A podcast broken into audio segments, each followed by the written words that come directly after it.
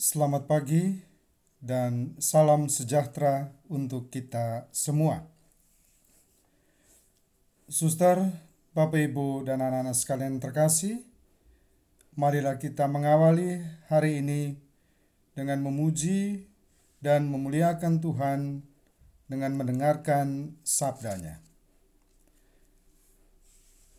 Dalam nama Bapa dan Putra dan Roh Kudus. Amin.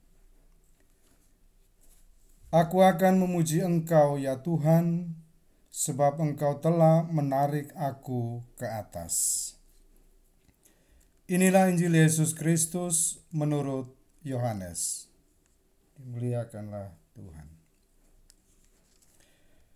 Dan setelah dua hari itu Yesus berangkat dari sana ke Galilea, sebab Yesus sendiri telah bersaksi bahwa seorang nabi tidak dihormati di negerinya sendiri. Maka setelah ia tiba di Galilea, orang-orang Galilea pun menyambut dia, karena mereka telah melihat segala sesuatu yang dikerjakannya di Yerusalem pada pesta itu, sebab mereka sendiri pun turut ke pesta itu. Maka Yesus kembali lagi ke Kana di Galilea, di mana ia membuat air menjadi anggur. Dan di Kapernaum ada seorang pegawai istana, anaknya sedang sakit.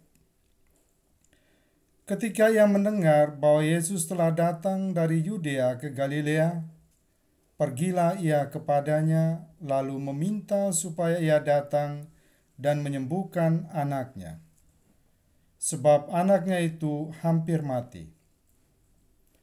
Maka kata Yesus kepadanya, "Jika kamu tidak melihat tanda dan mukjizat, kamu tidak percaya." Pegawai istana itu berkata kepadanya, "Tuhan, datanglah sebelum anakku mati." Kata Yesus kepadanya, "Pergilah, anakmu hidup." Orang itu percaya akan perkataan yang dikatakan Yesus kepadanya, lalu pergi. Ketika ia masih di tengah jalan, hamba-hambanya telah datang kepadanya dengan kabar bahwa anaknya hidup. Ia bertanya kepada mereka, "Pukul berapa anak itu mulai sembuh?" Jawab mereka, "Kemarin siang pukul satu demamnya hilang." Maka teringatlah ayah itu bahwa pada saat itulah Yesus berkata kepadanya, "Anakmu hidup." Lalu ia pun percaya, ia dan seluruh keluarganya. Dan itulah tanda kedua yang dibuat Yesus ketika ia pulang dari Yudea ke Galilea. Demikianlah sabda Tuhan. Terpujilah Kristus.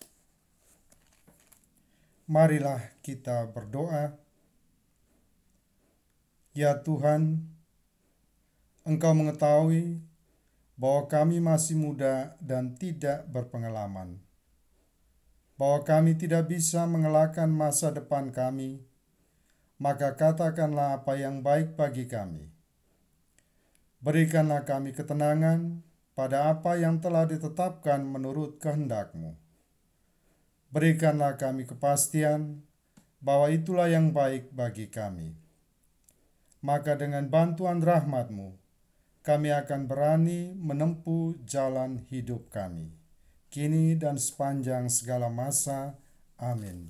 Dalam nama Bapa dan Putra dan Roh Kudus. Amin.